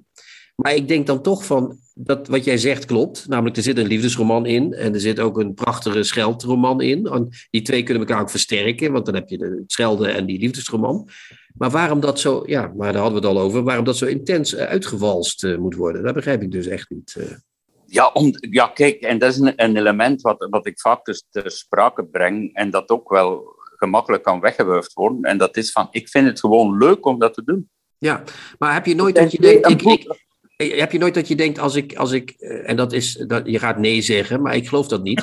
Eh, heb je nooit dat, dat je denkt als ik dat nou terugbreng tot 350 bladzijden en ik schrijf geen twee boeken, maar één per jaar, dan, dan denken ze verdomd die Brusselmans, want dat is zo, die kan heel Ja, goed maar- schrijven. Dat vind ik, sorry, sorry. eh, ja, dat mag. Je mag alles tegen mij zeggen. Ja, Maar ja, dat vind ik zo'n onzin. ja. eh, dat, dat gedoe van schrijf om de twee jaar één boek in plaats van om, de, om, om het jaar twee boeken. Bedoel, waarom Eén zou, per jaar is ook waarom, goed. Dat is prima. Waarom mag zou, ja, waarom zou dat ene boek beter zijn dan die twee andere? Omdat je, als je de beste stukken uit die laatste. Want ik ben. eh, ik, ben al, ik loop al lang mee in de Brusselmanskunde. Als je de beste stukken uit de laatste zeg 35 boeken haalt, dan heb je echt. eh, ja, dan, dan kan je geen enkele literaire prijs ontgaan. Eh, dat is Ja, het ja, maar dat, dat- zo werkt het niet. Hè. Dat kan Nee. niet. Hè. Ik bedoel, dat kan je van alle, van alle schrijvers zeggen die meer dan tien boeken hebben. Ja, je had het best uit je tien boeken daar één boek van gemaakt. Nee, niet iedere schrijver schrijft 83 romans. Hè. Zo werken die dingen ook weer niet. eh. Ja, nee, maar nee, met, met, die, met, met, met die, die redenering heb ik nooit, eigenlijk nooit kunnen volgen. nee, dat Als snap je, ik. als, je, als je iemand graag leest, dan ben je toch blij met twee boeken in plaats van één? Ja, maar ik ben dat in principe wel. En ik ben ook, eh, zoals ik zei, een welwillende lezer. Maar ik heb toch het idee dat je jezelf een beetje de amusementspiste in hebt laten jagen. En dat je daar nu eh, tegen rond eh, eh, draait. Ja, maar dat, dat is... Ja, kijk. dat is misschien, dat, ik weet niet, correct me if I'm wrong, maar dat kan zijn doordat je me ook geregeld wel eens in een, in een onnozele show op tv ziet, waar ik dan, waar ik dan een trucje doe of, of, of een typetje speel. En, dan, en, en dat, dat wordt mij kwalijk genomen en dat kan ook bijna niet anders. Van, nou, dat kan geen serieuze schrijver zijn, of die is niet serieus met literatuur bezig, want twee dagen later zit hij in de slimste mensen uh, grapjes ja, te vertellen. Ja, maar daar kijk ik niet naar. Dus dat is niet... Dus dat is niet uh, ik, ik, ik ben niet heel zedig daarin. En ik, ik zie je wel eens in een onzinshow, uh, dat klopt. Of bij De Wereld Door vroeger, of zo. Maar ik, ik, ik ben niet heel zedig, maar ik durf toch te zeggen dat ik me nu op de tekst baseer. Dat, dat, dat, uh, ja, dat zou ik toch wel durven zeggen. Ja, ja, en, ja oké. Okay. Weet je, dat is, dat is een mening en een mening die door heel veel mensen gedeeld wordt. Van, uh, die, ja, je... ja, die, die is niet serieus met zijn vak bezig. Kijk, wat er nu aan de hand is. Dat is... zeg ik niet helemaal, maar goed, oké. Okay. Nee, oké. Okay. De, wat er nu aan de hand, uh, ook aan de hand is, is dat ik al een jaar of vijf, of misschien zelfs tien, aankondig van ik ga ooit de definitieve roman, roman over mijn jeugd uh, schrijven, Teet 77. Hè? Dat was mijn thuisadres. Oh, de straat was Teet en dan 77 het huisnummer. En dat wordt nu bij elk boek dat ik publiceer, wordt gesuggereerd of in elk interview van ja, oké, okay, dit boek is niet slecht, of het is dit, of het is dat. Maar we zitten toch te wachten op die Teet 77, dat je eindelijk eens een serieuze roman schrijft. schrijft. Maar daar, krijg ik gewoon stenen kloten van. Ik bedoel, waarom moet ik een serieuze roman schrijven? Waarom? Van mij, moet, van mij moet dat niet, dat zeg ik niet. Ik zeg alleen dat, dat wat ik zeg is dat, dat die boeken soms te lang worden uitgewalst. Mij maakt het niks uit wat je schrijft. Ja, maar mijn en, vorige boek... En het, en het probleem is natuurlijk als je zelf zegt, ik ga een boek schrijven dat heet Teet 77. Dat is net als Gerard Reven die zei, ik ga een boek schrijven dat heet het boek van het violet en de dood. Dan gaat ja. iedereen vragen, waar blijft dat boek van het violet en de dood nou? Ja, wel, maar dat is een goed voorbeeld, want toen het boek van violet en dood er was, toen zei iedereen, nou, valt dat even tegen. Ja, dat, dat is ook zo. Dat viel ook tegen natuurlijk. Nee, ja. dat viel niet tegen. Dat is een fantastisch oh, boek. Oh, mij viel dat een beetje tegen. Maar goed, oké. Okay, dat, uh... niet, het boek, niet het boek dat iedereen verwacht had, want welk boek had iedereen verwacht? Het, het boek dat de, de Bijbel en alle andere boeken overbodig zou maken. Behalve de Bijbel en de telefoongids, dat was het. Ja, voilà. En, en, en als, je, als je dat aankomt... Maar bij mij zit het anders. Bij mij zit men echt te wachten. Zelfs los van die T77 krijg ik enorm vaak de vraag wanneer ga je een serieus boek schrijven? Maar ja, wat is, is dat? Een serieus... Alle andere boeken zijn al serieus. Waar moet ik no, no, no, nee. nog een serieus boek? Nee, maar dat is dus, ik, maar, dat is toch, maar dat is toch niet de vraag die ik stelde. Dat was niet, ik, jij zegt dat dat vaak gesteld wordt, maar ik stelde er meer de vraag: waarom zorg je er niet voor dat je de ongelooflijke talenten die je hebt, dat je die in een wat, um, hoe zal ik het zeggen, literaire uh, bedding uh, brengt. Nou ja, het is ook flauw wat ik nu zeg. Maar ik zei niet dat je van mij serieuze boeken moet gaan schrijven. Want ik vind juist jouw hilarische boeken, uh, ja, dat is fantastisch. ja, ja dus maar, het is, het, maar kijk, wat ik begrijp is dat, dat jij of, of, of jij niet of andere mensen zeggen van er is overdaad. Hè? Weet je wel, er is nee, gewoon nee, over. Ja, dat is er ook. Binnen die boeken. boeken. Wat zeg je? Binnen die boeken is er vaak iets dat ik denk, nou, daar kunnen rustig. En dat is niet zoals die andere mensen dat zeggen, maar dat zit echt om literaire redenen kunnen daar soms dingen uit. Herhalingen, flauwiteiten, overdreven. Ja, maar hij is een drummer. hij is een, ik ga nu inbreken. Ja, maar, dan is maar we hadden toch geconstateerd dat hij een drummer is. Dus sorry, en die herhaling kun je natuurlijk niet. Okay. Uh... ja, ik, ik, ik blijf een fan, daar gaat het ook niet om. Maar, uh... Ik wilde, nog iets heel saai, ik, wilde, ik wilde nog iets heel saais doen. Uh, namelijk, ik wilde tot slot, of nou, misschien niet tot slot, maar uh, daar ben ik wel benieuwd naar. Uh, een, van de, een van de schrijvers die de dans ontspringt, om het zo maar eens te zeggen, is Heren Heresma.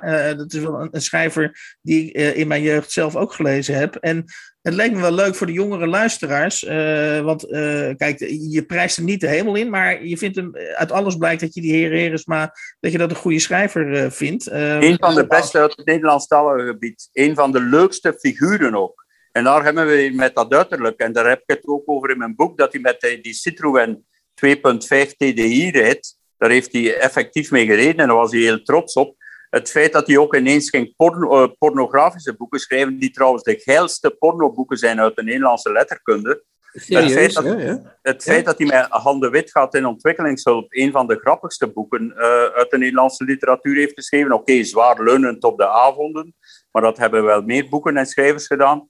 Dus Heren Heresma vind ik echt fantastisch. En dat steek ik dan ook niet onder stoel op banken. Uh, nou ja, ik vind het grappig juist dat je, volgens mij uh, kom, je, kom je niet echt aan prijzen toe, maar het feit dat je hem niet, dat je hem niet afslacht, dat is eigenlijk de manier waarop Herman Brusselmans uh, iemand prijst, toch?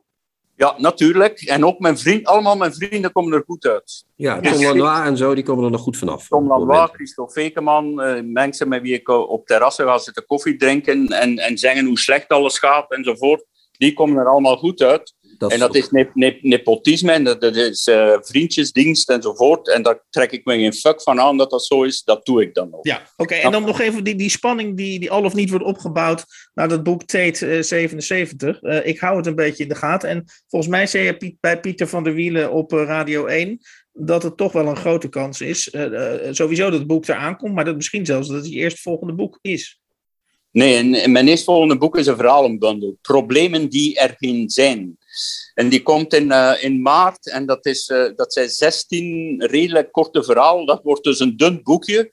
Een boekje van een bladzijde of dus daar kun je heel blij mee zijn, ja? Dat heb ik ook weer niet gezegd op die manier. Maar goed, we zullen zien. Maar, we zullen zien. het wordt een dun boekje. Ja, ja, ik begrijp het. Ja. Er, staan een paar, er staan een paar heel serieuze verhalen in zelfs. Een paar oh mijn god, Herman, wat gaan we verhalen doen? met een plot en zo, met een plot. Ook een plot, het ja. woord plot heb ik nog de hele aflevering niet genoemd, eh, Herman. Nee, Daar heb ik nog geen één keer iets over gezegd. Eh. Gelukkig, gelukkig. Weet je trouwens dat die Heresma ook zijn royalty, die in de die cash, zonder, want hij betaalde geen belasting meer, namelijk. Hij, had zich helemaal van het, hij ging naar de Wim Zeu toe, zijn uitgever, en dan ging hij echt met een tasje, kwam hij het, kwam hij het geld ja. ophalen. Dat is toch, dat is toch Hoe ging dat in die tijd? Ja. ja hij, kon, hij, woonde ergens in Frankrijk gewoon zonder belasting te betalen. En die zoon van hem, junior, heer, heer. Die kreeg ook geen onderwijs, want daar geloofde hij niet in, in, in onderwijs. dus uh, alle jonge luisteraars uh, naar de nieuwe Contrabas podcast, ga Heren, Heresma allemaal Zullen we dat allemaal... En, en, en Herman Brusselmans, maar de helft. De helft van Brusselmans. Ja, de, de beste helft van, de beste de beste helft van, helft van het beste helft, ja. Ja, ja precies.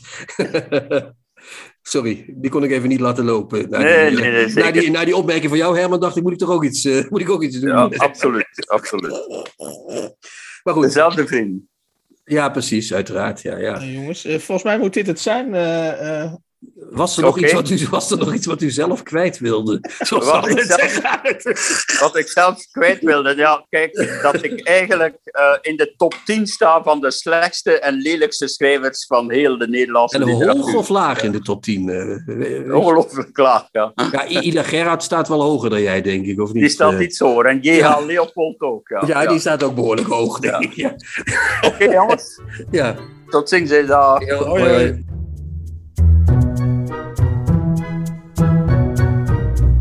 De nieuwe Contrabas. Podcast.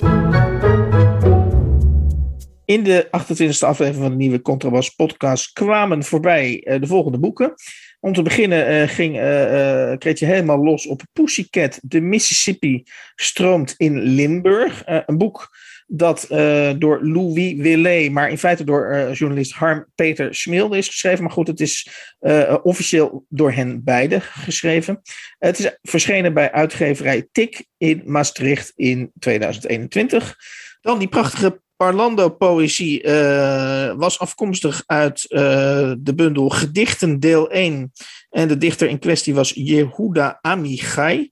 Uh, de, uh, de, gedichten zijn vertaald door Tamir Hertzberg en Tsafrira Levi.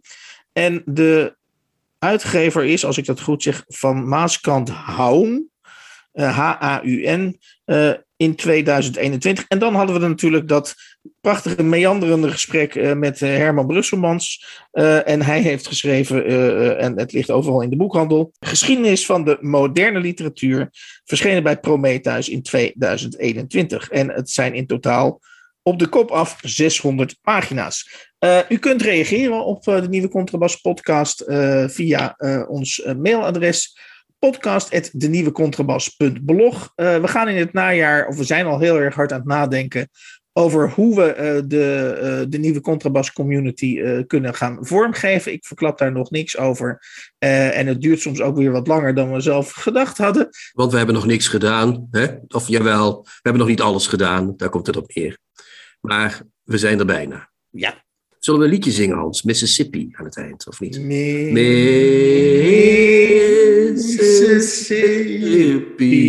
you'll be on my mind. Dag lieve luisteraars, tot de volgende week. Doei doei. Ciao, ciao.